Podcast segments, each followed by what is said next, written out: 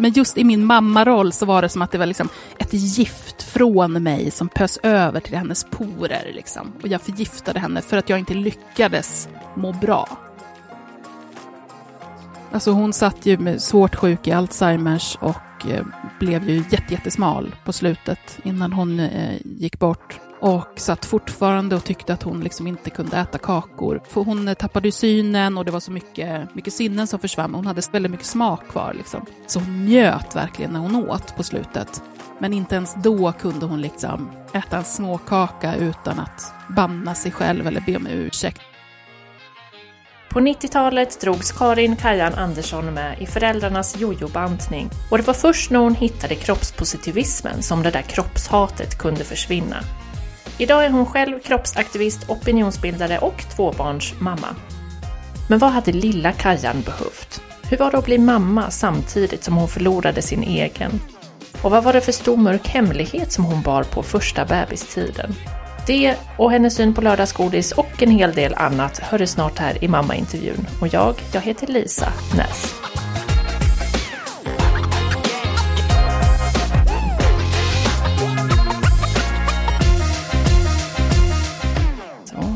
Ja, du kan starta bara. Då är den igång. Toppen. Ja, men vad kul att ses. Jag ska bara se så den regga. Ja, det gjorde den. Hej Kajan, kul att ses. Ja, kul att ses Lisa. Välkommen till mammaintervjun. Tack så mycket. Hur, eh, hur är läget?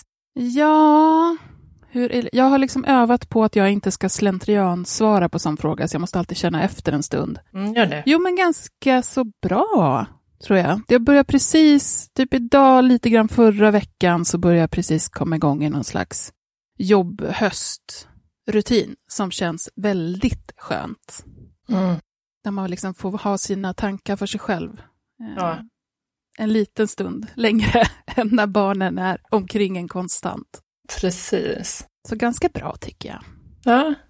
Du sitter hemma i Uppsala, va? Mm. Jag sitter på mitt lilla kontor, Mm. som är min, eh, våran klädkammare egentligen. Ja. Som var, den var så mycket större än vad, vi, än vad vi trodde när vi flyttade in. Vi hade inte sett lägenheten. Så den har fönster och grejer, så det var liksom ett bonusrum, Ah. vilket gör livet mycket lättare. Så att, Just eh, det. här sitter jag om dagarna. ja.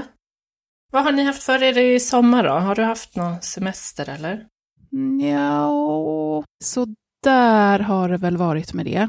Mm. Men vi har fått till lite små, ja, men små utflykter. Vi har varit och badat ganska mycket och sånt där. Så de, det har mer varit ska säga, mik mikrostunder av semesterkänsla. Ja, här timme här och var. det känns som att det, känns som att det är så det är. Typ. Man bara, nu, nu känns det som semester faktiskt. Och sen så kan det Ja, försvinna verkligen. snabbt. Och... vi har liksom nära till ett jag har ju inget körkort, så att när min man jobbar så, så eh, har vi ingen bil. Nej. Men vi har nära till eh, Fyrishov som är badhus i Uppsala och eh, deras utomhusbad eh, har ju vi eh, sommarkort på. Så Mm. då har vi kunnat traska dit svintidigt på morgonen för att få solstolar och typ vara där själv.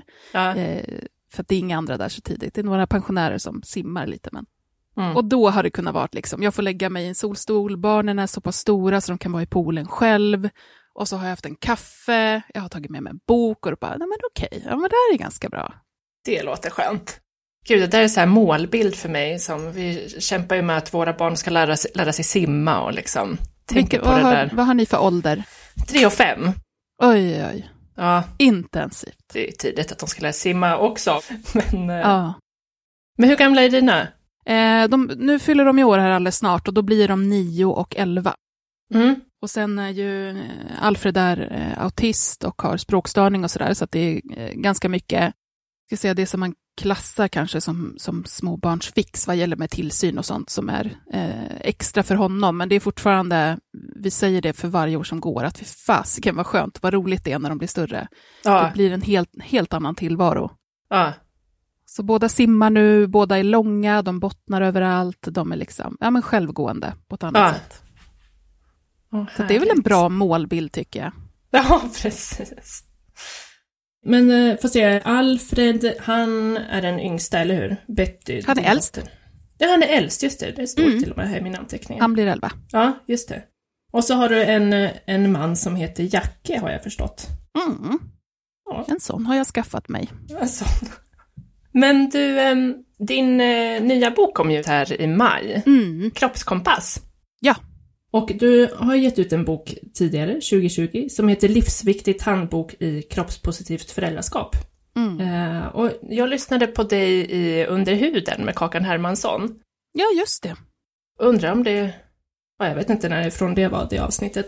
Men då nämnde du att när man ger ut en, en bok så kommer ju det här med att ta bilder och vara med och synas. Och jag vet att du har varit med i tv på någon intervju och sådär.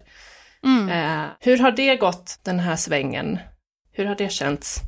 Vilken bra fråga. Um, jag vet att jag reflekterade över det lite innan. Så här, när, när jag höll på med Livsviktigt, dels var det liksom första boken. Eh, jag hade inte, det var några år sedan, jag hade inte kommit, jag hade kommit ganska långt eh, kroppspositivt sett med liksom min, min relation till min egen kropp, men jag hade fortfarande perioder av eh, panik mm. liksom, när, när det började närma sig mer lansering för att jag visste alltså som tjock person som pratar om i princip rätten att få existera som tjock och sen också eh, visa upp sig då liksom offentligt, är, det blir väldigt mycket. Speciellt när man, när man har är i form av eh, ja, men, eh, viktmobbning och eh, ätstörningar och eh, psykisk ohälsa och sådär kopplat till kroppen. Så inför det så hade jag verkligen panik och tyckte att det kändes så här, men fan, tänk om det är, om jag sitter i en, en morgonsoffa och sen är det under, under en dålig period för mig, så att jag inte har mitt försvar uppe för, för kommentarer och sånt. Hur hårt kommer det slå? Eh, det gick ju ganska bra, men, men eh, inför den här gången så var det betydligt lättare, vilket mm. ju alltid är väldigt skönt när man får jämföra och känna att det Nej, men att det händer saker. Jag hade inte samma eh, panik i, du vet, vad ska jag ha på mig? Hur kommer det här se ut i, i, eh, på tv-skärmen? Eh, vilka mm. vinklar ska jag sitta i för att det ska bli bäst, för att jag ska kunna stå ut med och se det själv och så vidare. Eh, det var betydligt lindrigare, som gjorde det mycket mer angenämt. Ja, vad skönt. Så det var ja, väldigt skönt. Jag, den aspekten hade liksom slipats ner ganska så ordentligt. Mm. Man inte behöver grubbla på det där. Mm. Vad beror det på då, att det inte blev så skavigt den här gången? Nej, men det är ju med att, att jobba kroppspositivt med relationen till sin kropp är ju ett arbete som man håller på med hela tiden och eh, jag gör ju det fortfarande såklart, har hållit på i snart tio år.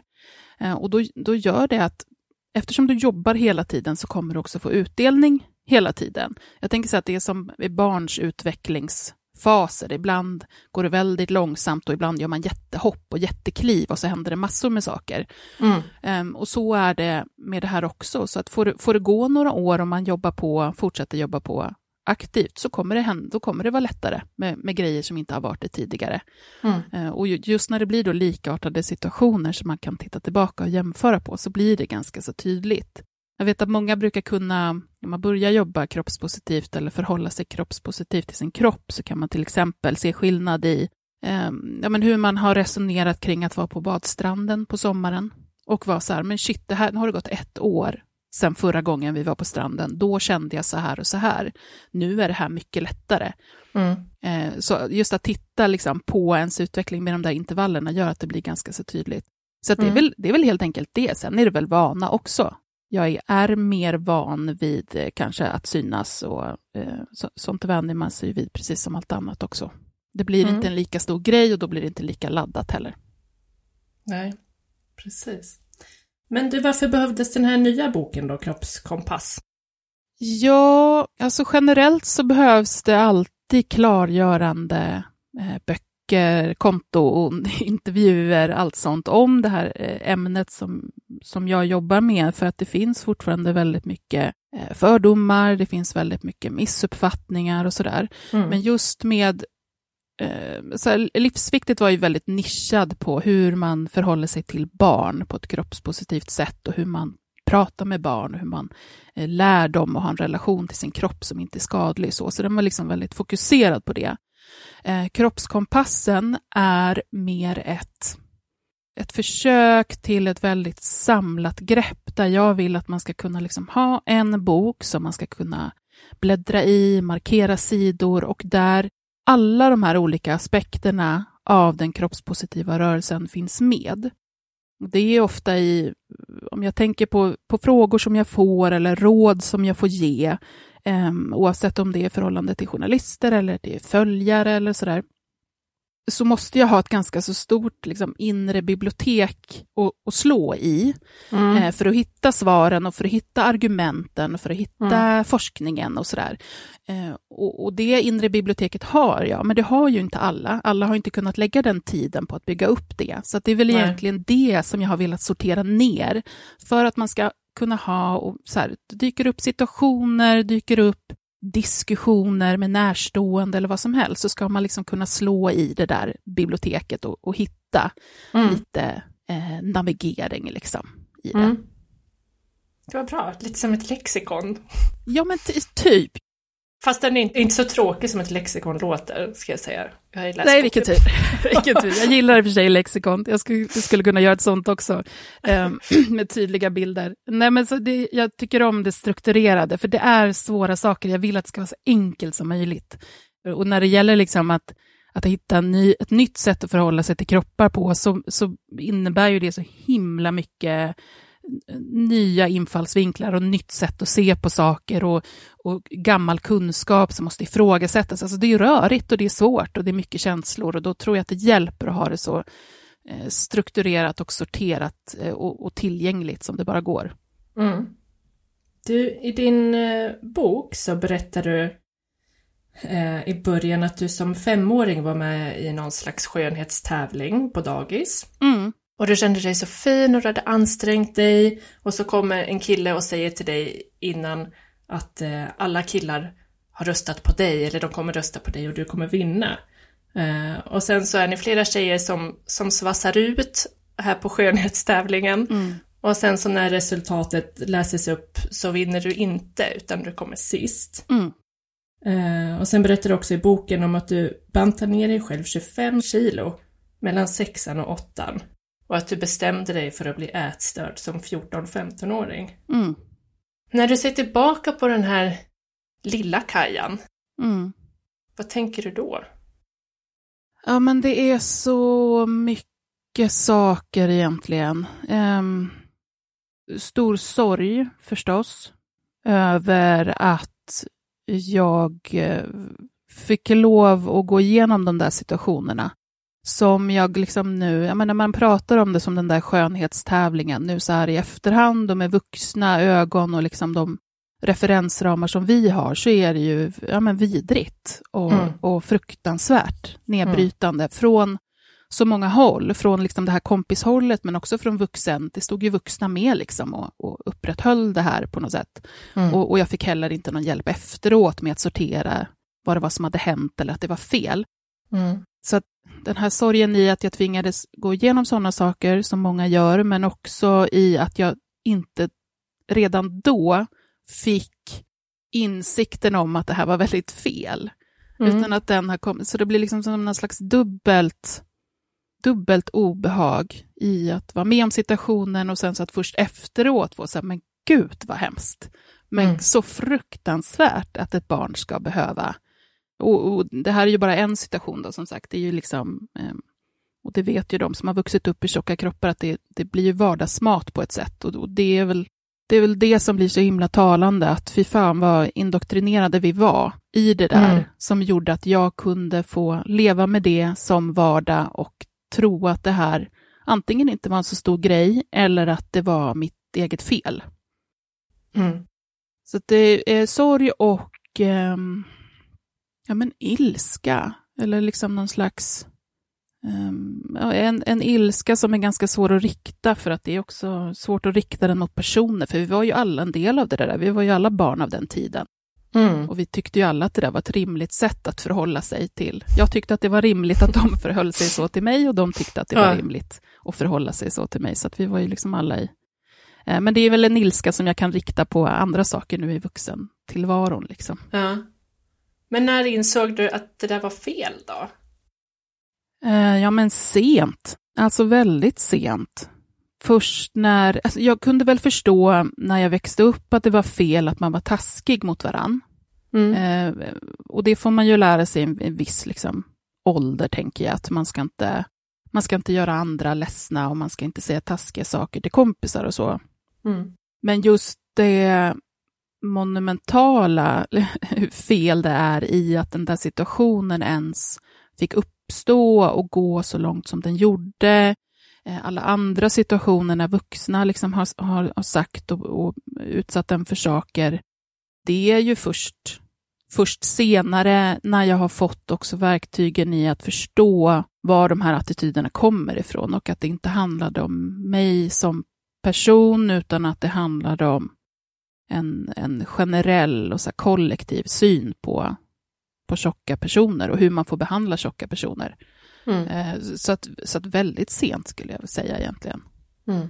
Jag har ju fram tills, ja men som sagt, i typ tio år så har jag eh, rört mig i eller omkring den kroppspositiva rörelsen och det är, ju, det är ju verkligen först då som jag har förstått att det, det här inte har varit saker som jag har förtjänat. Så det har mm. ju varit, och jag fyller snart eh, 40 liksom. Ja. Så att det är sent. Ja, bättre sent än aldrig brukar man ju säga. Mm. Men du, hur var det hemma då? Pratade ni om liksom kroppar eller tjockhet och hälsa? Ja, men det gjorde vi ju. Jag växte upp med en, eh, min pappa var psykolog och min mamma jobbade inom vården som eh, sjuksköterska. Båda var tjocka själva, eh, i alla fall i perioder.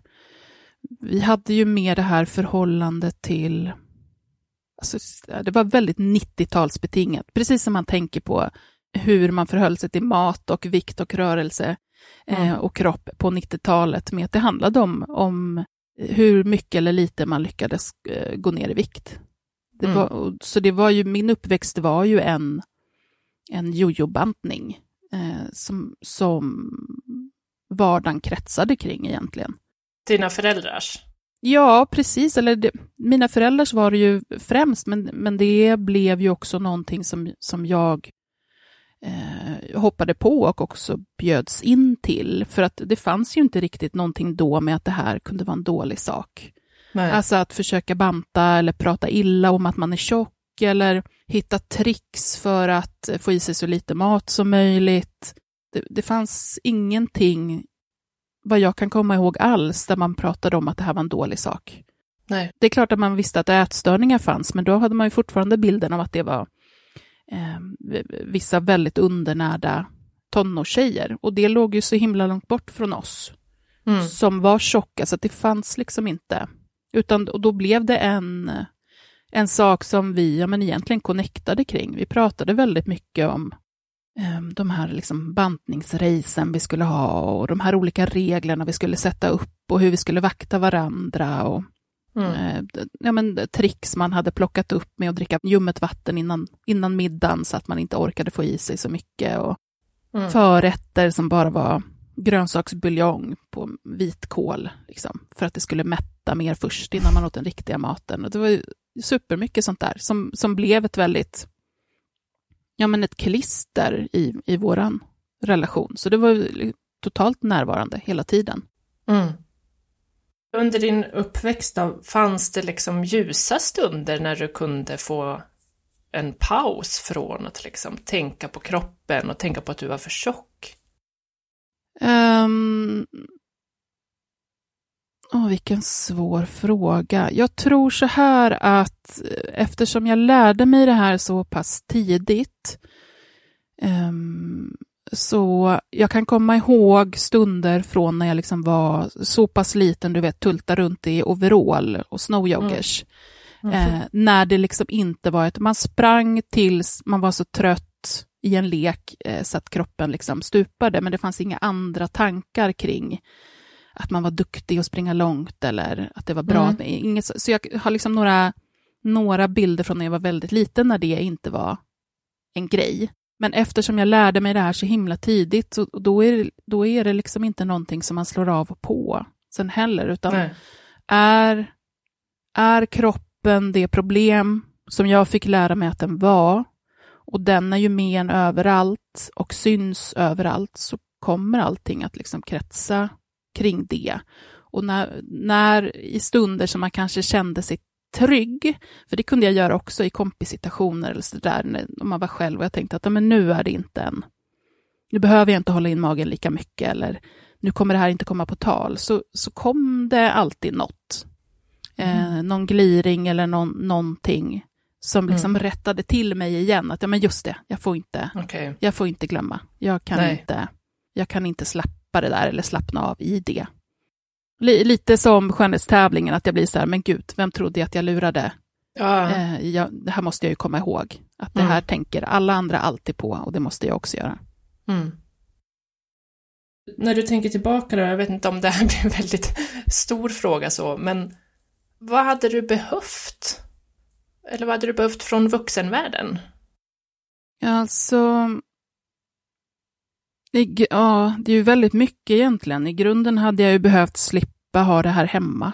Eh, ah. För det första, jag hade behövt att, att mina föräldrar hade kunnat få ska säga, det, det, det stöd som de behövde i att eh, inte terrorisera sina egna kroppar Mm. Eh, konstant och prata om sina kroppar som ett problem konstant och kunna få känna att liksom i hemmet var, ja men att det i alla fall var en fristad eh, där, där, jag var fri att, att få vara utan att behöva kränka mig själv hela tiden eller straffa mig själv.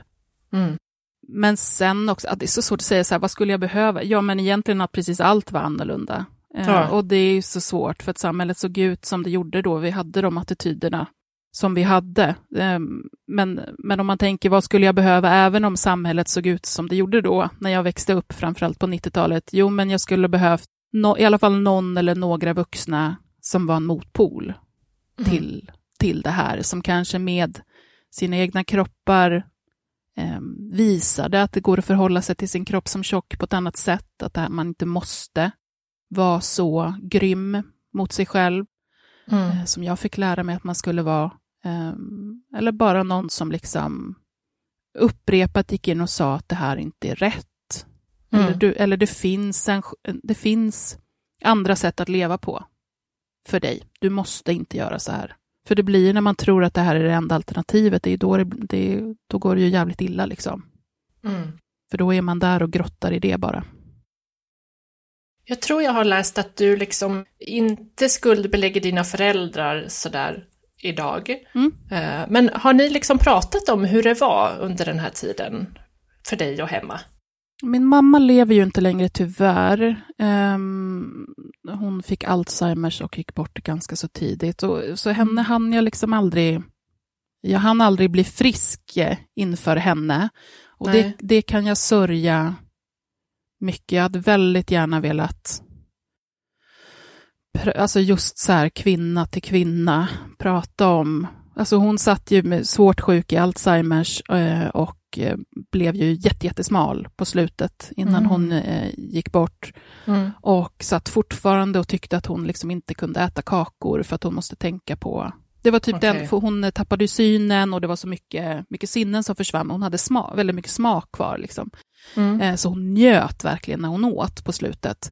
Men inte ens då kunde hon liksom äta, äta en småkaka utan att banna sig Nej. själv eller be om ursäkt. Det blev så, um, det blev så tydligt hur, uh, hur fakt det är och hur jävla sorgligt det är. Jag hade jättegärna pratat med henne om det. Um, min pappa, han fick ju läsa mitt, till första boken så skickade jag honom mitt manus uh, mm. innan den trycktes, boken. För att det är, och jag har liksom all respekt för det, det är väldigt utlämnande av dem också. Alltså i och med att jag skriver om min, eller berättar om min eh, uppväxt och barndom och hur det har skadat mig på många sätt, så är det ju väldigt utlämnande av dem. Och precis som du sa så, så skuldbelägger jag inte dem, för att jag, de, som sagt, de gjorde det som de trodde var rätt. Och man mm. trodde att det var rätt att hjälpa sitt barn att banta då, så var det bara. Ja. Eh, så att eh, pappa och jag har väl pratat om det. Det är svårt också. Det är, eh, vi är, det är olika generationer. Han vet vad jag eh, jobbar med och vad jag skriver om och han har läst eh, böckerna. Och han är samtidigt, mm, har samtidigt inte gjort den här resan själv. Så han mm. är ju fortfarande väldigt inne i, i um, det här som jag växte upp i med att man ska banta och tänka på vikten och, mm. och, eh, och, försöka reglera kosten utefter, eh, enligt mig, ganska ätstörda sätt. Så det, eh, det är svårt. Då får man liksom landa i någon slags ömsesidig förståelse i att det blev inte bra för mig när jag var mm. barn. Eh, men att nu är vi vuxna. Eh, jag tycker att det är synd att du ehm, ska behöva, vad ska jag säga, inte vara sams med din kropp hela tiden och jag önskar att du mm. kunde det, men du är en vuxen mm. person och det är jag, så att vi får liksom respektera att man är på olika ställen på något sätt. Mm. Men det är svårt. Alltså generationsbiten är väldigt svår. Det liksom upplever jag bland folk som ber om råd också, att det är ofta det är liksom morföräldrar, farföräldrar, svärföräldrar, där det, mm. det, det, blir väldigt svårt att få en, kanske en äldre generation att förstå att det finns andra sätt att mm. förhålla sig till kropp på. Verkligen. Väldigt cementerat där. Ja. Hur gammal var du när din mamma gick bort? Nu ska vi se. Jag och år. Hon gick bort 2014. Och jag är, ja men jag skulle fylla 30 då. Ja. Eh, Betty, min yngsting, kom eh, några månader innan. Mm. Jag hade nog precis fyllt 30 mm. när hon gick bort. Hade du gett dig in i den kroppspositiva rörelsen då? Inte som eh, aktivist eller egen aktör sådär, utan vid den fasen var jag fortfarande var och snosade på begreppet. Mm. För sen kom det ju just där efter, efter jag hade fött eh, Betty, i den vändan och eh, när hela biten med förlossning och sånt var klar, som jag märkte att det här extrema fokuset kom igen och att jag inte eh, orkade. Ditt fokus på kroppen? Eller? Ja, precis. Ja, men mm. precis. Eh, och på, framförallt på viktreglering. Mm. Eh, och mm. där jag kände att jag kommer inte klara en vända till utan att bli eh, ätstörd igen. Ja. Det kommer inte gå, utan fortsätter det här nu så, ja men med allt, gå ner graviditetskilorna och, eh, och allting, så börjar jag och fortsätter med det nu så kommer jag bli ätstörd igen. Och eh, det kommer inte sluta bra. Så det var precis mm. efter. Det var väldigt mycket som hände där. Mam mamma gick bort, jag fick Betty och så den här biten med, med kroppen. Det var en väldigt eh, eh, konstig och ganska omvälvande period i mitt liv. Så det var väl kanske lägligt då, att det var precis efter det som jag mer aktivt började hitta eh, kroppspositiva konton och, och lärde mig om rörelsen i stort. Blev det någonting som du aktivt sökte upp då för att du ville ha något verktyg för att hantera det här som du kände? Uh, inte först, tror jag. Inte vad jag kan minnas i alla fall. Jag, um, och i och med att jag inte visste, innan jag upptäckte rörelsen så visste jag inte att den fanns. Liksom. Nej. Jag hade väl koll på att det fanns, så som jag såg det, eh, innan jag bekantade mig med rörelsen, att det fanns vissa tjocka profiler som pratade om att det inte var fel att vara tjock. Eh, apropå Kakan så tror jag att jag såg henne i någon intervju när hon bara liksom sa att hon, ja men jag är fet och jag, jag gillar det, jag har inget problem med det. Och jag tyckte det var mm. så extremt provocerande. Att så här, hur kan man, ja ja okej, var tjock då, men måste du säga att du inte, måste du stå och ljuga? Liksom. För att det var så obegripligt för mig. Ja. Um, och, det, och det var liksom då innan jag kom i kontakt med rörelsen. Men sen tror jag att jag liksom bara halkade, alltså när man är på sociala medier och då i den vevan där vid 2014 så började det bli större, eh, internationellt i alla fall, framförallt från USA mm. och så, så kom det fler och fler konton. Så känner mm. algoritmerna av det där och så börjar de peppra med mer den så positiva delen av sociala medier när det funkar bra. Ja, precis. Du sa att du inte hann prata så mycket med din mamma där innan hon blev sjuk och gick bort. Mm. Så med den kunskap som du har samlat på dig sedan dess och allting, vad känner du nu att du hade velat säga till henne? Um, är svårt. Det är, hon liksom försvann ju för mig i och med sjukdomen. Alltså, hon var ju sjuk i, en så åtta år, det gick ganska så fort.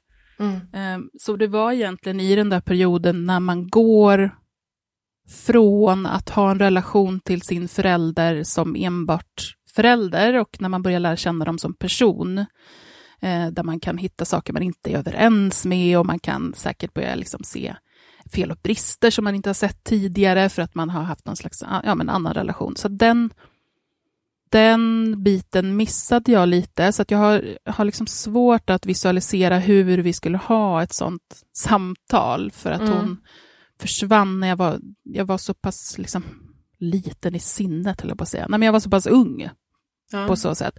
Men jag hade väl velat, jag tror att hon hade varit jätteintresserad av, men av att höra om alla de här nya sätten man kan tänka på, som hon inte har vetat om. Jag tror också att hon skulle ha haft väldigt mycket dåligt samvete och väldigt mycket ångest mm. eh, kring att, ja, att det här har fått mig att må dåligt. Så det kan jag mm. på ett sätt känna är skönt att hon, ja.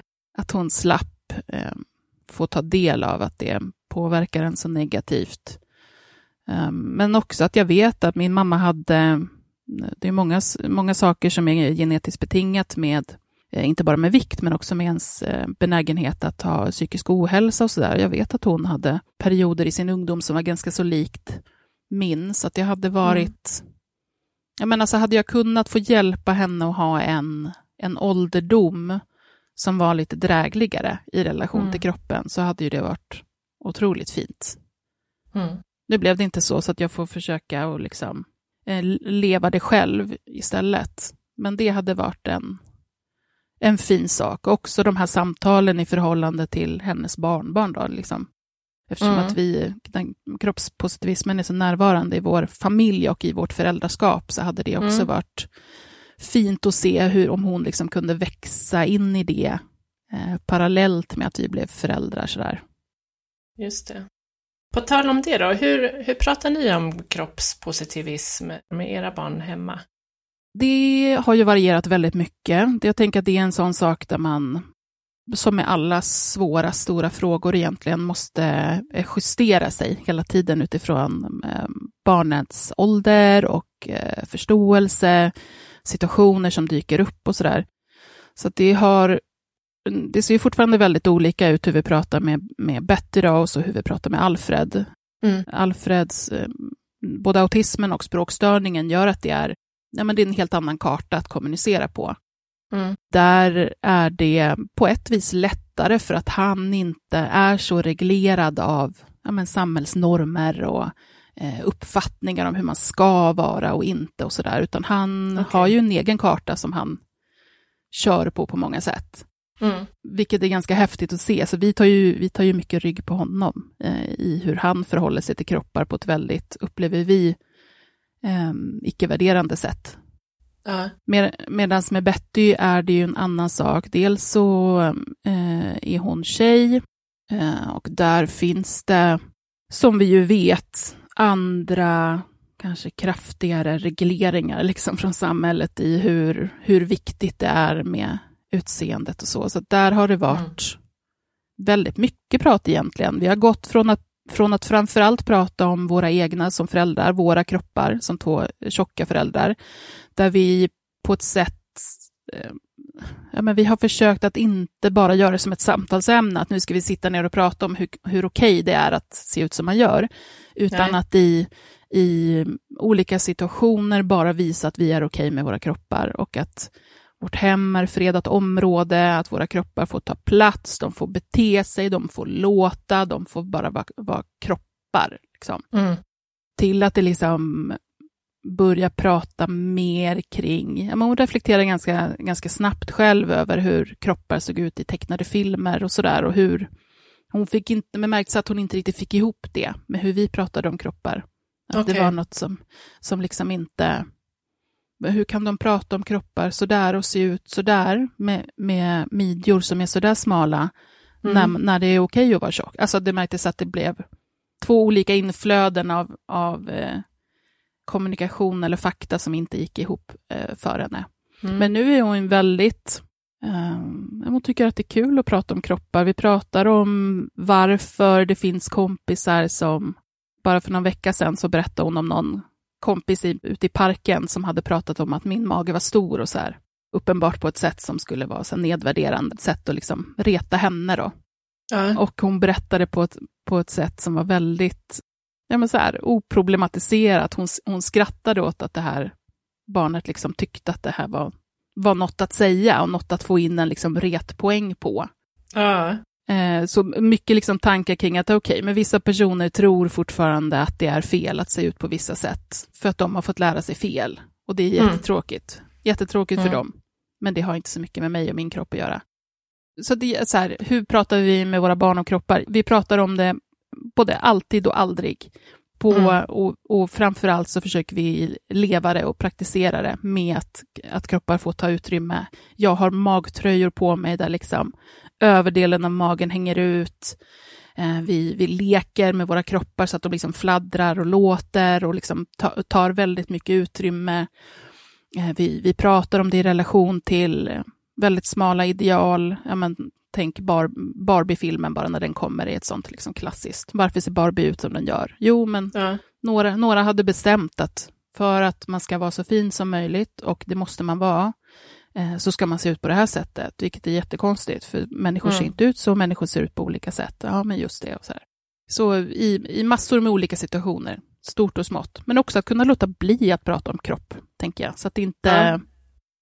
Det får liksom inte vara en krystad, påklistrad sak, utan vi måste också kunna existera, existera bortom det. Mm. Så att ibland är det relevant att prata om, ibland är det mer relevant att rycka på axlarna åt det. Och att Mm. det bara får vara. Liksom. Hur skulle du säga därför? Jag har ju mindre barn som sagt, två tjejer. Mm. Min femåring, hon kan ju, dels så gillar hon att leka med Barbie och hon gillar att titta på Barbie och lite sådana grejer. Mm. Och hon har ju inte ifrågasatt än, liksom, hur någon ser ut eller att de är jättesmala eller... Nej. Tycker du, ska man då liksom ta upp det med sitt barn? Jag gjorde det. Ehm, jag tog upp det som en form av, ja men, man kan, att sitta och titta eh, på tv eller på paddan eller läsa böcker tillsammans med sitt barn och göra såna här allmänna reflektioner kring att oj, ja men det där var ju inte, eh, det var ju inte snällt att slå en hund, eller varför, varför tänker någon Mm. att man ska göra det? Sådana liksom reflektioner och sånt som man gör. Mm. Ehm, att kunna göra det, att faktiskt säga, har du tänkt på att alla i den här serien eller alla i Barbie-filmen, eller någonting, att deras kroppar ser ganska likadana ut? Har Mm. du tänkt på det? Vad tycker du är lika med dem? Och så får barnet beskriva hur de ser ut. Okej, tänker du att de se- ser de ut som vi gör, eller ser de ut som andra människor gör, eller varför tänker du att de ser ut så? Mm. Ehm, och och att, att få in ganska så tidigt, men inte på ett jätteladdat sätt, att det finns en anledning till att de ser ut som de gör. För jag tror att den insikten eller kunskapen är ganska bra att ha med sig tidigt, innan Mm. den här processen med att börja jämföra sig själv och idolisera det man ser sätts in Mm. för mycket. Och det, kommer, det gör den ju ganska snabbt. Alltså jag menar, det, det, är ju inte konstigt alls. Ser man någonting som man har fått lära sig fint och som man också tycker är liksom roligt att titta på och eh, uppskattat av kompisar och sådär, så kommer man tycka att det är eh, en förebild på olika sätt. Eller man kommer Mm. jämföra sig med det. Så att man ganska Mm. tidigt är så här att så, så där ser eh, Barbies kropp ut, därför att eh, när, man, när Barbie kom till, när, när första dockan gjordes, man kan ta fram och visa bilder på det, då Mm. var det några som hade bestämt att så här så skulle flickor se ut, för att då var man så söt som möjligt och det var jätteviktigt att vara söt. Så tänker ju inte vi idag och så liksom prata kring. Mm. Hur, hur tycker du att en Barbie skulle kunna se ut? Skulle den kunna se ut på något annat sätt? Ska vi rita? Vi ritar Barbie som inte finns och hittar på egna namn till dem. Mm. Bara för att, ja men, liksom inte skuldbelägga det, men, men att förklara, ge en förklaring till varför det ser ut som det gör. Mm. Det där med hur man såg på saker förr och på 90-talet och när vi var små. Mm. Jag tänkte på det du nämnde sak som din familj och hur det var när du växte upp. Hur skulle du säga att det är idag? Har du någon bild av liksom Mm. hur det ser ut i stugorna, vad vi tycker om kroppar och köper Ja. kroppar? Och... Ja, åh, det där är ju så svårt. Det är så här, vi- vilka glasögon ska man ta på sig? De, de Mm. som är hoppfulla och, och fokuserar på, på förändring eller de som är ganska cyniska och eh, och tycker att allt är ganska mycket som det alltid har varit, eller till och med värre på vissa sätt. Mm. Eh, man kan se på det på, på olika sätt. En hel del saker har förändrats. Um, till exempel så finns det en större bredd på hur man kan förhålla sig till kroppar och hur man kan tänka kring kroppar. Det finns inte längre bara ett givet sätt som det kanske gjorde mm. ja, men då på 90-talet när jag växte upp. Då var, det, då var det en sak och det var fakta. Och, och det var att är du, är du tjock så är du ful och äcklig och eh, ohälsosam. Mm. Nu finns den bilden fortfarande kvar eh, och den är ganska så ja, men utbredd, men det finns också andra. Och det är väl som utvecklingen generellt, tänker jag, så med Eh, den feministiska falangen och med hur vi ser på kön och identitet. Att mycket av det här gamla finns ju kvar, men det finns också fler alternativ som, mm. som bjuder lite motstånd. Um, men tittar man på de här bitarna som är det som skadar, som är det här liksom viktfokuset, eh, eh, strävan efter viktminskning, kvitto på hur hur värdig eller bra du är som person eller lyckad som person utifrån hur din kropp ser ut och presterar, så är det ju ganska mycket samma sak, dessvärre. Mm. Däremot har man bytt ut ganska många av begreppen mot det som flög väldigt bra på 90-talet med liksom, eh, slank och eh, fettfri och bantning och, och sånt där, vet mm. man, framförallt i och med att vi har fått mer kunskap om, om ätstörningar och psykisk ohälsa liksom, kopplat till det, det vet man att det inte flyger på samma sätt. Så då har man mm. tagit de koncepten, behållit dem, men bytt ut orden så att det låter bättre.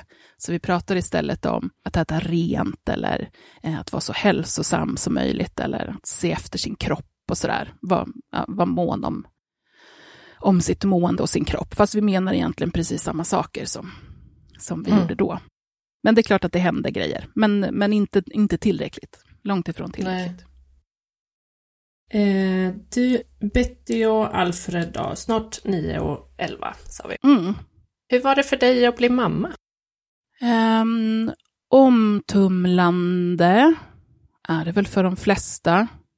Um, ganska så olika. Jag, jag tänker så här, min mammaroll då kontra den mammarollen jag har nu är ganska så olika ändå. Det är så spännande frågor, det är mycket jag inte riktigt har, har tänkt kring. Men eh, när jag väntade Alfred, han föddes ju eh, 2012, mm. så var jag på en helt annan plats i mig själv. Eh, jag hade också då, i och med att jag var på en annan plats i mig själv, där jag inte hade hittat min kärna av mitt eget värde, så var jag ju mycket mer lättpåverkad av hur man skulle göra saker och vad som var rätt. Och jag vet mm. att jag eh, med honom till exempel hade en bild av hur man skulle vara nybliven mamma. Och mm. att man skulle till exempel eh, gå upp på, på nätterna, för det hade jag ju förstått att man gjorde när barnet vaknade och skulle äta för att jag ammade. Och liksom sitta, men du vet den här bilden, man ser amerikanska filmer, de sitter uppe i gungstolar i the nursery liksom. Så ja. den bilden hade jag. Så jag satt ju liksom uppe med honom, så fort han skulle äta så satt jag uppe i en soffa, gick upp ur sängen, tog upp honom, eh, ammade och så la ner mm. och sen kunde jag prata om att jag sover bara två timmar här och var. Medan bara skillnaden med Betty var att jag så här, nej men okej, det finns inte ett sätt man måste göra på, eller mm. Saker som, eh, som förväntas av en som också blir facit, utan liggamma är en toppenbra grej. Eh, ja, gud, kunde bra. Alltså, bara att förstå så här, men hur kunde jag inte första vändan tänka att jag kunde Nej. hitta egna lösningar eller... Ja. ja. men du vet, det var så, alltså också med, eh, det var i och för sig kvar ganska mycket med Betty, för jag mådde väldigt dåligt då när hon, precis efter, när mamma gick bort, och då var ju mm. hon bara spädis, så att jag mm.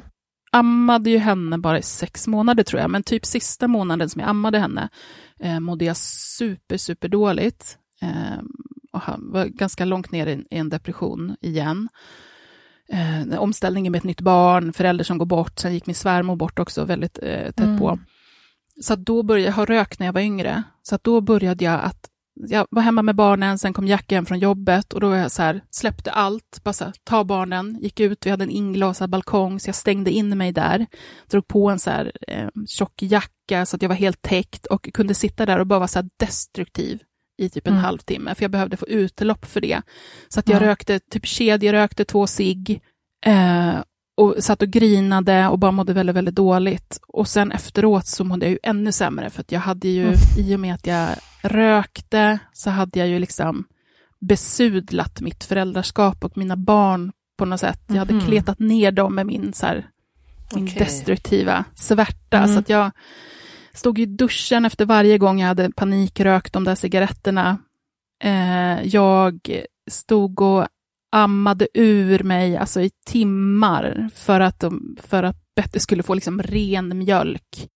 Eh, så jag var helt sårig och var upp, ja, det var så jäkla meck med det där. Och sen, mm. det, är lite så samma sak, det är först efteråt jag varit så här, du vet jag läste på så många forum om hur, hur oansvarigt det var eh, att, att eh, samsova med sitt barn när man hade rökt för att de liksom får det på mm. sig. Jag det här var liksom något en, en, stor mörk hemlighet jag hade. Det var verkligen fruktansvärt. Det var liksom eh, barnmisshandel för mig, för att jag läste om hur, mm. hur vidrigt det var. Och sen först efteråt bara så här, men vad fan, alla fäder som röker och samsover, det är liksom inte någon, det är inte någon grej överhuvudtaget.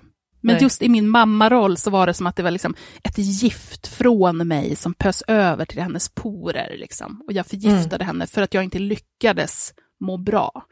Mm. Eh, eller för att jag var så, så destruktiv. Ja, ah, gud vilken lång harang. Men det, det, blir ju så här, när jag tänker på mitt föräldraskap idag, så är det så radikalt annorlunda. Och jag, jag är ju en helt annan person än, än, vad jag var förut. Jag har ju mm. en annan jag har en helt annan liksom, trygghet i mig själv. Jag är inte rädd för min omgivning som jag liksom kunde vara förut. Alltså mm. helt kontrollerad av att någon skulle säga eller göra någonting som skulle få mig att må så fruktansvärt dåligt. Så jag inte skulle kunna hantera det, så det var lättare att liksom hålla sig borta från det på något vis. Mm. Så väldigt, väldigt kontrollerad i eh, hur jag uppfattades också av andra. Och där är jag inte idag, så min det hör väl också till det vi började prata om, att mitt föräldraskap idag är så betydligt mer lustfyllt ah. än vad det var när de var mindre. För att jag mm. hade så otroligt mycket press på mig själv, inte bara i förhållande till hur jag skulle se ut och hur lite jag skulle väga eller sådär, utan kring en massa med saker. Mm. Som jag liksom nu har insett att det är press och regler som både jag och mina barn och liksom mitt föräldraskap mår mycket bättre utan. Mm. Så att jag jag älskar ju att vara mamma. Jag tycker att jag är en jävligt mm. bra mamma. Eh, och eh, har liksom stor stolthet och behållning av mina barn och av liksom relationen som vi bygger. Mm. Så väldigt, väldigt olika. Hur kunde du bryta det där då? Eller hur kom du ur den där destruktiva fasen? Alltså egentligen så var det ju bara så illa att jag, att jag var inne i en väldigt svår depression och eh, ja. jag behö, behövde vård och medicinering. Mm. Eh, och, och, hjälp. Det var ju också så här, det var väldigt mycket omständigheter. Som sagt, två dödsfall väldigt nära varandra, fick det andra barnet. Vi bodde på ett ställe där vi inte trivdes jättebra. Eh, jag hade ju Alfred som skulle då till förskola medan jag hade Betty och vi bodde eh, två och en halv, tre kilometer ifrån den förskolan där vi fick plats. Eh, en förskola mm. där heller inte, som heller inte var bra för Alfred, så det var det också. Så att jag gick ju liksom med, jag konkade ju på ungarna ja, men i en mil om dagen för att jag skulle då lämna honom, gå hem med henne, äh. amma, eh, byta, gå tillbaka för att hämta honom och sen försöka mm. liksom, ja, göra ett, ett duktigt mellis och eh, ha, ha lite mys och gå till en lekplats, liksom, upprätthålla allt det där. Så jag, jag hade ju en, en jättesvår depression. Så att jag kom mm. väl ur det helt enkelt genom att jag fick, eh, jag fick vård. Ja, men du insåg att du behövde det, liksom, eller? Ja, ja, alltså det var ju riktigt illa. Jag mådde ju väldigt, väldigt dåligt. Mm. Och till slut när det inte går över, jag har ju också levt med psykisk ohälsa så pass länge att jag eh, fattar när det inte går, så jag blev ju utbränd mm. också, och, eh, vilket är ju ganska bra, för att en depression kan man gå med väldigt länge, men en utbrändhet gör, gör ju till slut att man inte fungerar, alltså kroppen stänger ju mm. ner. Så att funktioner slutade och hjärnan fungerade inte och sådär. Så då, då mm. Och jag hade turen att få väldigt bra vård direkt, där man så här, mm. efter första besöket på vårdcentralen var så här, oj, okej, okay, det här är inte.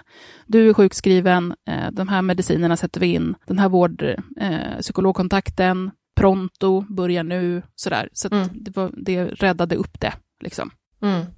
Och sen efter det så, um, när jag kunde få börja må bättre igen, så, så var det väl liksom i det sjoket också som jag började med liksom den kroppspositiva resan. Så det, det blev klättringen uppåt. Uppåt mm. från min botten. Ja, jag förstår. Jag ser bara här i mina frågor. Jag tycker vi pratar om så mycket bra saker. Vilken, vilken ro, vilket roligt prat. Vad mycket frågor som jag aldrig har fått förut. Ja, men vad skönt.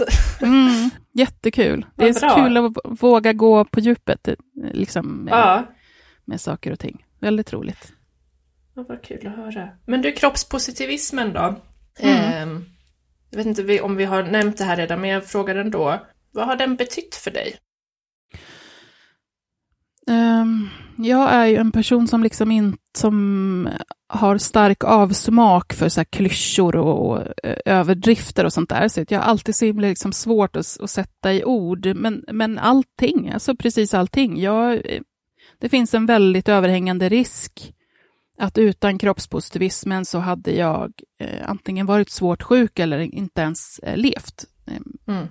idag. Så, så pass mycket är det ju. Och sen frångår man den, den stora betydelsen för ens liv så är jag som sagt en, ja, men en helt annan person. Alltså jag, eh, dels att jag kan fungera och ha en sund en sund relation till mig själv och till min kropp, men också till min omgivning och liksom i, i de funktionerna jag har som, som partner, som förälder, som dotter, som kompis. Det finns inte en enda bit av mitt liv eller min tillvaro eller det som är jag som, som liksom inte har påverkats av, av den resa som jag har gjort. Och sen så är ju, alltså, kroppspositivismen är ju eh, grundbulten i det, men sen har ju det fjädrat ut sig i, i massor med olika bitar av liksom personlig utveckling och sånt jag har tvingats gå igenom som har varit väldigt stärkande för mig. Men, men allting egentligen, eftersom att mitt liv totalt präglades av att kroppshat var en följeslagare som jag eh, skulle ha, mm. till att jag både fick inse att det inte är rimligt och att det inte är ett måste och sen faktiskt kunna leva, i, leva en vardag där det inte, kroppshatet inte är närvarande alls. Mm. Eh, och jag tror att har man levt med, med kroppshat i liksom någon större utsträckning så vet man också hur, att det verkligen påverkar precis allting. Um, varje, varje sekund av, av ens vakna timmar, men också alla relationer, um, alla drömmar du vågar ha, Eh, all, mm. allt du tar dig för. Så att ändras det och det där stora eh, mörkret man går och konkar runt på försvinner, så finns det så mycket utrymme till så mycket annat som man ja, men liksom inte trodde skulle vara möjligt. En, eh, en frihet och ett lugn i att existera. Mm. Har du något exempel på vad som har kunnat vara möjligt som du inte kunde föreställa dig förr? Ja, alltså, det är så svårt att formulera det utåt, för att i min, inuti mig så är det ju så tydligt. Det är ju nästan som att man har haft en, alltså en kniv mot strupen hela tiden, som sen tas bort. Eh, mm. Så, så känns det ju inuti. Ehm, med, med att man, den här rösten som konstant har kränkt en, uppmanat en till att eh, ja, skada sig själv eller straffa sig själv, den rösten försvinner och det blir ett, ett lugn och möjligheter att, att tänka och förhålla sig till saker utan den där kniven mot strupen eller utan de där uppmaningarna till att man är, är så fel och värdelös. Och utan det så är det, jag menar, bara min tillvaro med att jobba med det som jag gör, alltså att, att prata öppet om min kropp, hade mm. ju liksom inte, herregud, jag, jag behövde samla mod för att, för att åka till affären förut.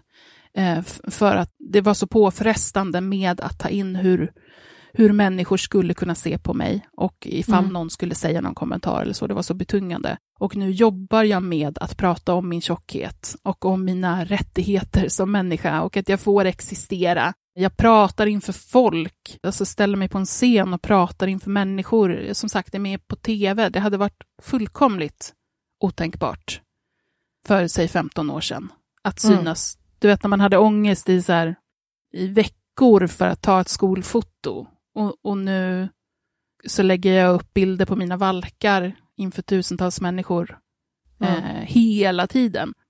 Men, men också liksom vad det då har gjort med, med vilka, och det här är så viktigt så jag vill liksom säga det på ett sätt som går att förstå, i och med att att jag har förstått att det inte är mig det är fel på och att jag inte förtjänar att straffas eller, eller kränkas i varje situation, så har ju jag också kunnat sätta upp gränser och regler för hur jag vill att människor ska behandla mig. Mm. Vilket gör att i relationer så tar jag inte saker som jag tog förut. Jag tillåter inte att andra behandlar mig illa.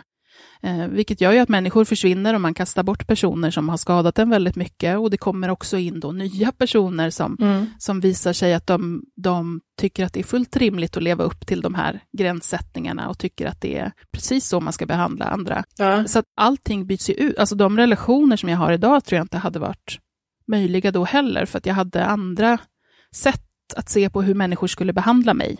Mm. Ja, för det var min nästa fråga, hur, hur det har påverkats. För jag tänker bara det du själv sa om Kakan, mm. att du hörde någon som sa jag är tjock och det stör mig inte, eller mm. hur hon nu sa det, någonting sånt. Mm. Eh, för man kan ju tänka då att det kanske fanns folk i din närhet som, som blev provocerade när du började säga andra saker eller eh, ja, visa upp en annan, en annan bild av dig själv. Just det. Uh, ja, men det, och det kan jag komma ihåg att det var liksom några situationer där jag fick vara så, där det blev ett tydligt bryt. Det var så här, den här mm. jargongen och de här skämten som vi har, vi har dragit på min bekostnad hittills, uh, de är det slut med nu. Mm. Uh, det är ganska få sådana såna situationer, men, men jag kunde ändå komma ihåg det, eller att jag tydligt markerat, eller att från och med nu så är det här samtalsämnet eh, om hur äckligt det är att vara tjock, det är inte okej okay när jag är med. Eh, utan nu kommer det gälla någonting annat. Sen har de, de flesta personer har liksom eh, köpt det och jag tror att människor är ganska benägna att Eh, om människor som man bryr sig om säger att det, det här eh, skadar mig, det här sättet vi pratar på skadar mig, så vill man nog, jag vill tro det i alla fall, så vill man nog gärna eh, justera det för att det ska bli bra. Mm. Men sen är det ju också relationer som jag fullkomligt har plockat bort Mm. Eh, för att de har varit uppbyggda på premissen att jag kan behandlas illa. Och det har jag varit fullkomligt delaktig i, att liksom bygga upp den mm. typen av relationer, för att jag, jag behandlar mig själv illa och jag tyckte också att det var rimligt att andra gjorde det. Mm. Så de har ju då liksom helt, eh, helt försvunnit. Och jag mm. tror sen att de, jag har inte jättemycket relationer som är, du vet, så gamla. Jag har inte, jätte, jag har inte så gamla skolkompisar och sånt som jag umgås med Nej. Utan mina närmsta är nog i, i ganska så ny... Det blev liksom ett återuppfinnande av mig själv, tror jag, så att allt det där fick liksom skapas om på något sätt. Mm. Vilket också är ganska skönt att veta att man måste inte... Man kan göra slut med vänner, man kan skaffa nya kontaktnät, man kan bygga en ny tillvaro mm. eh, utefter, utifrån hur man förändras som person. För jag har ja, men faktiskt de som är eh, runt omkring mig nu, som jag är bläst av att ha som ja, men nära vänner och, och bekanta är ganska så relativt nya personer mm. Ändå i mitt liv. Som jag inte tror hade kunnat få plats i den här gamla tillvaron. Nej. Eller inte skulle ha hittat in liksom. Nej. Eh, med din egen eh, man då, Jacke, för jag vet att när mm. ni började den här kroppspositiva, eller aktivistresan kanske, mm. så var han också inne på det här och sen så bestämde ni på något vis att, att du skulle få ta den liksom, Instagram-rollen. Eh, om jag ja, det rätt. precis. Ja, um, vi började så här, det, jag hittade ju rörelsen då, han var inte jätteintresserad av det. Uh, han blev mer och mer för att han är intresserad av vad jag intresserar mig för, för att okay. han är en rimlig person. Ja, liksom mer så här att, ja, okej, okay, vad, vad, är viktigt för dig? Ja. Uh, så kom han ju in på det mer och mer och vi är ju också personer som är väldigt, uh, vi gillar att diskutera saker och så här, eh, samhällsmedvetna så, tycker att det är, en viktig del i vår relation, så vi diskuterar mycket orättvisor och, och sånt där. Och, och efter, i och med att han också Eh, han, han växte inte upp som tjock, utan han blev tjock i vuxen ålder, men, men har varit det också. Eh, så blev det ju en del som han också som liksom klickade hos honom med. Mm. Eh, och då är det ju så att när, när man som kvinna, som jag då började så här, men okej, nu gör det här med aktivistandet och göra den här resan mer offentligt, det, det är nog min väg att gå. Mm. Och han hakade på det lite grann och vi märkte att okej, jäklar vad, vad sakerna som han säger, som jag redan har sagt, får ett annat genomslag, mm. vilket blev ganska så provocerande, när, när vi också som så här, eh, två feminister, när det blev så tydligt mm. i att okej, okay, nu gör du saker som jag gjorde för ett år sedan, men när du gör det för att du är man så är det fantastiskt och du ska få jättemycket utrymme att applåderas. Va? Och det lirar inte riktigt med mig. Eh, så den här bollen får du nog backa på faktiskt. Mm. Du, får nog, eh, du får nog göra något annat. Ja. Eh, just när det blir så tydligt med att, men, men du gubben, nu, nu, skriver du en sak som jag faktiskt skrev för några månader sedan, det funkar inte. Och Nej. så ska du liksom hova in jublet, ja. eh, vi kan inte ha det så, det kommer bara föda massa agg. Eh, så då backade han duktigt på, på, mm. på den biten. Och det är ju så, det finns ju helt olika eh, måttstockar för hur man, mm. Eh, hur, hur sakerna han säger Men hur, ja, hur har det varit sen då? Har ni liksom kunnat eh, eh, Drar ni liksom lika i det här hela tiden eller eh, vad ska man säga? Har ni utvecklats ihop eller kan ni vara på olika nivåer eller mm, lägen i det där? Bra fråga. Um, det, så här, det är ju mitt ämne, det är jag som sitter och läser alla böcker, det är jag som följer alla konton, det är jag som för diskussionerna och läser forskningsrapporter och så här. Mm. Så det, det, blir ju liksom, um, där har ju jag försprånget om man säger, eller mm. um, i vissa diskussioner så kan jag vara så här att nej men fast så här är ju det som gäller. Men när det kommer till den personliga resan som vi verkligen har gjort båda två så har vi verkligen eh, Alltså vi har ju följts åt, men jag tänker att det behöver inte betyda att man är på samma plats. Eh, utan att han, han har kunnat steppa in eh, där han vet att jag behöver det. Har jag mina perioder, vilket jag har och vilket jag tror att många har som har levt med ätstörning väldigt länge, där eh, man dras in i, i lite ätstörda impulser eller tänk, så har han kunnat vara en, en stöttepelare liksom direkt och vara in och säga, men du, jag ser att du värderar det här och det här på det här sättet. Jag tycker att vi backar här nu, eller jag ser att de här, de här situationerna blir väldigt laddade för dig. Eh, mm. ska, vi, ska vi ändra på någonting här eller så? Eh, men också att man kan som par, vilket är en, en stor fördel när man liksom följs åt, kunna ja, men så här, bara vakta varandra på grodor som hoppar ur, eller så här, invanda sätt att eh, prata om andras kroppar eller så där. Att den andra mm. parten kan, faktiskt kan vara att, men du, det där var väl inte riktigt så som vi vill prata om kroppar, eller det där blev väldigt värderande och blev det inte det? Okay. Och att man liksom då kan eh, ja, men påminna varandra. Mm. Men vi har ju gjort, alltså, den resan som han har gjort är också enorm. Sen har den sett helt annorlunda ut eh, utifrån att han har haft en annan eh, liksom, problematik och annan relation till sin kropp som så gammal hockeysnubbe och det är väldigt mycket macho.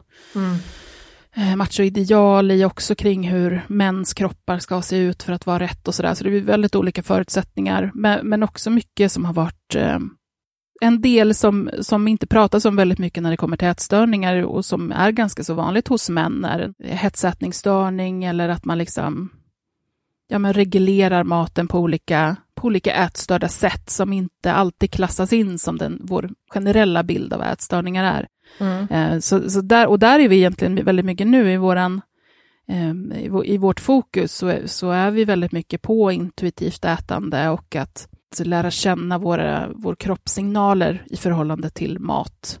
Eh, mm. Och komma ifrån de reglerna som alltså bra och dåligt ätande som både han och jag är uppväxta med. Så där är vi väldigt mycket nu och kan liksom peppa och uppmärksamma på att shit, så här hade du aldrig eh, resonerat kring ätande Nej. för bara ett år sedan. Oj, vad det har hänt mycket. Eller han eh, kan skicka sms och bara, men jag var på, på den här buffén på, på lunchen och shit, det var en helt ny upplevelse, för jag tänkte så här och så här och kände mm. så här och så här. Och, gud vad skönt det var.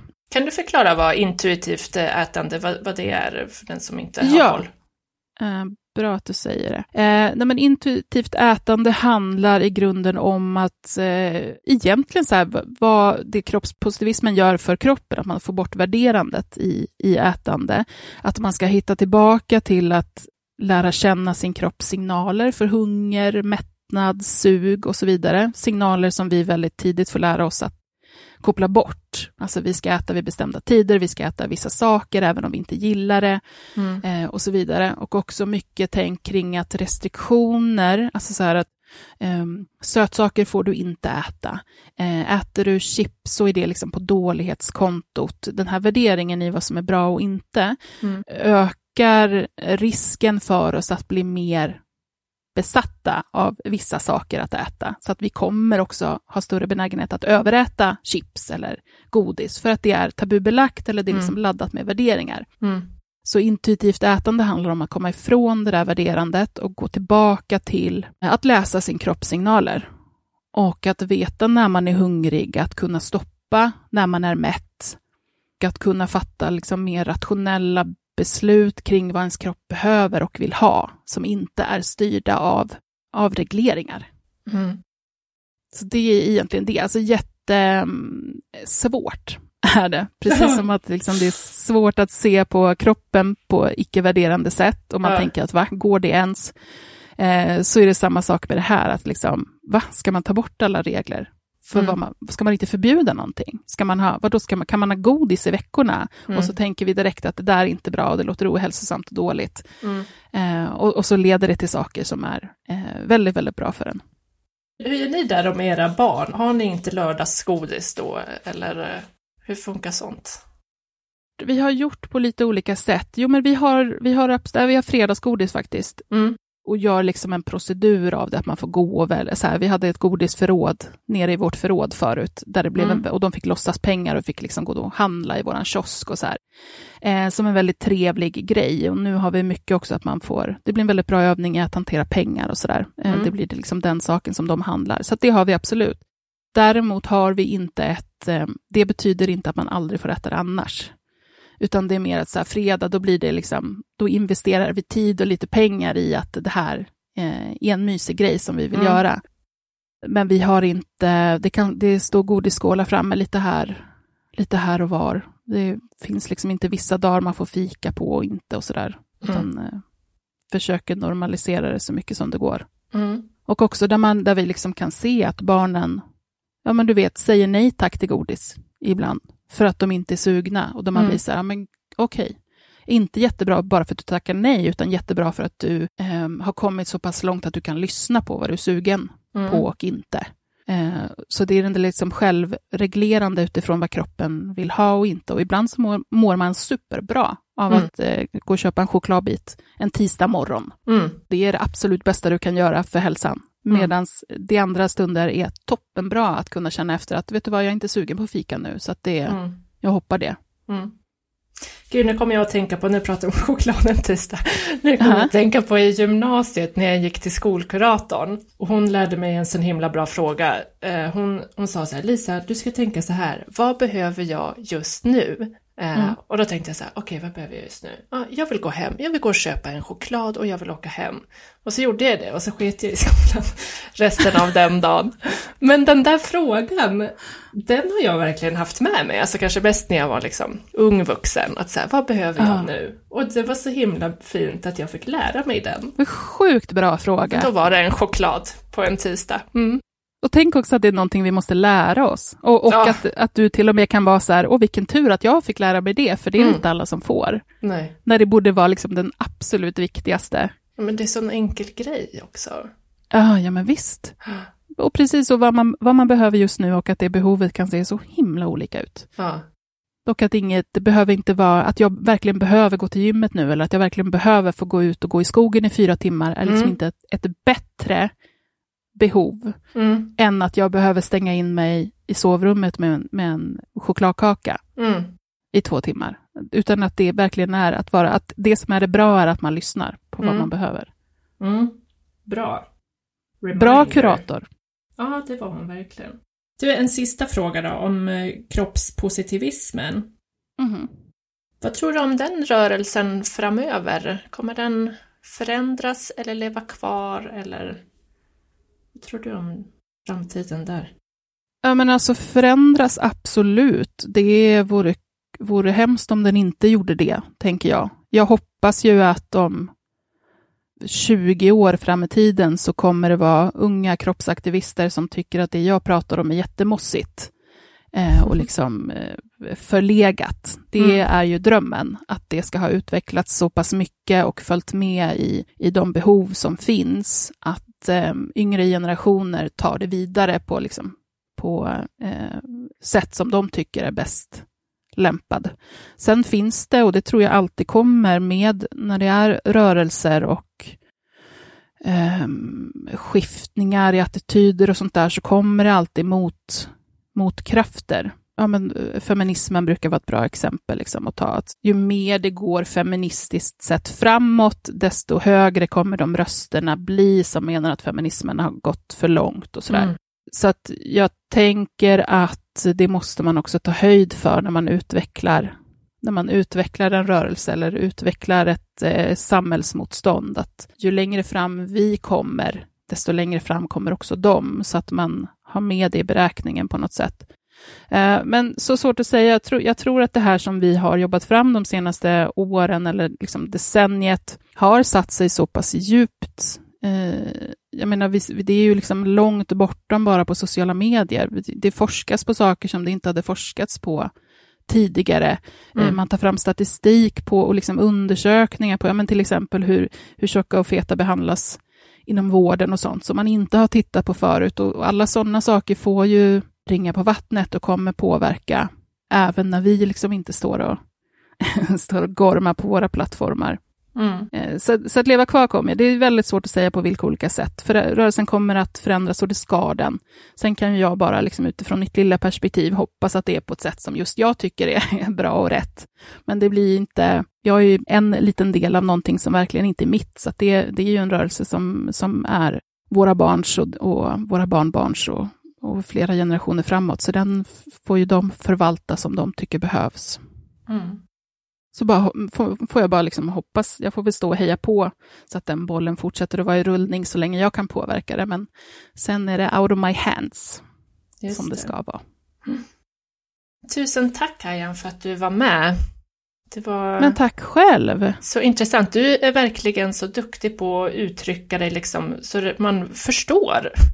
Alltså, verkligen. Gud vad skönt att höra. Enkelt. Och i din bok också, eller dina böcker. Du liksom gör det så lättförståeligt saker tillgängligt. Vad glad jag blir. Det var typ den finaste komplimangen. Mm, får du ta med jag har ett osunt behov av att göra mig förstådd. ja, men det lyckas du med. Ja, men vad skönt. Vad skönt. Mycket matnyttigt vi fick med oss från Kajan tycker jag. Hoppas du också gillade det här avsnittet. Nu har jag två barn som väntar på mig här så nu hinner jag inte säga mer men lyssna på de andra avsnitten och prenumerera i din eh, app där du lyssnar. Tipsa en vän också som du tror skulle gilla det här så hörs vi nästa gång. Hej och hå, kämpa på!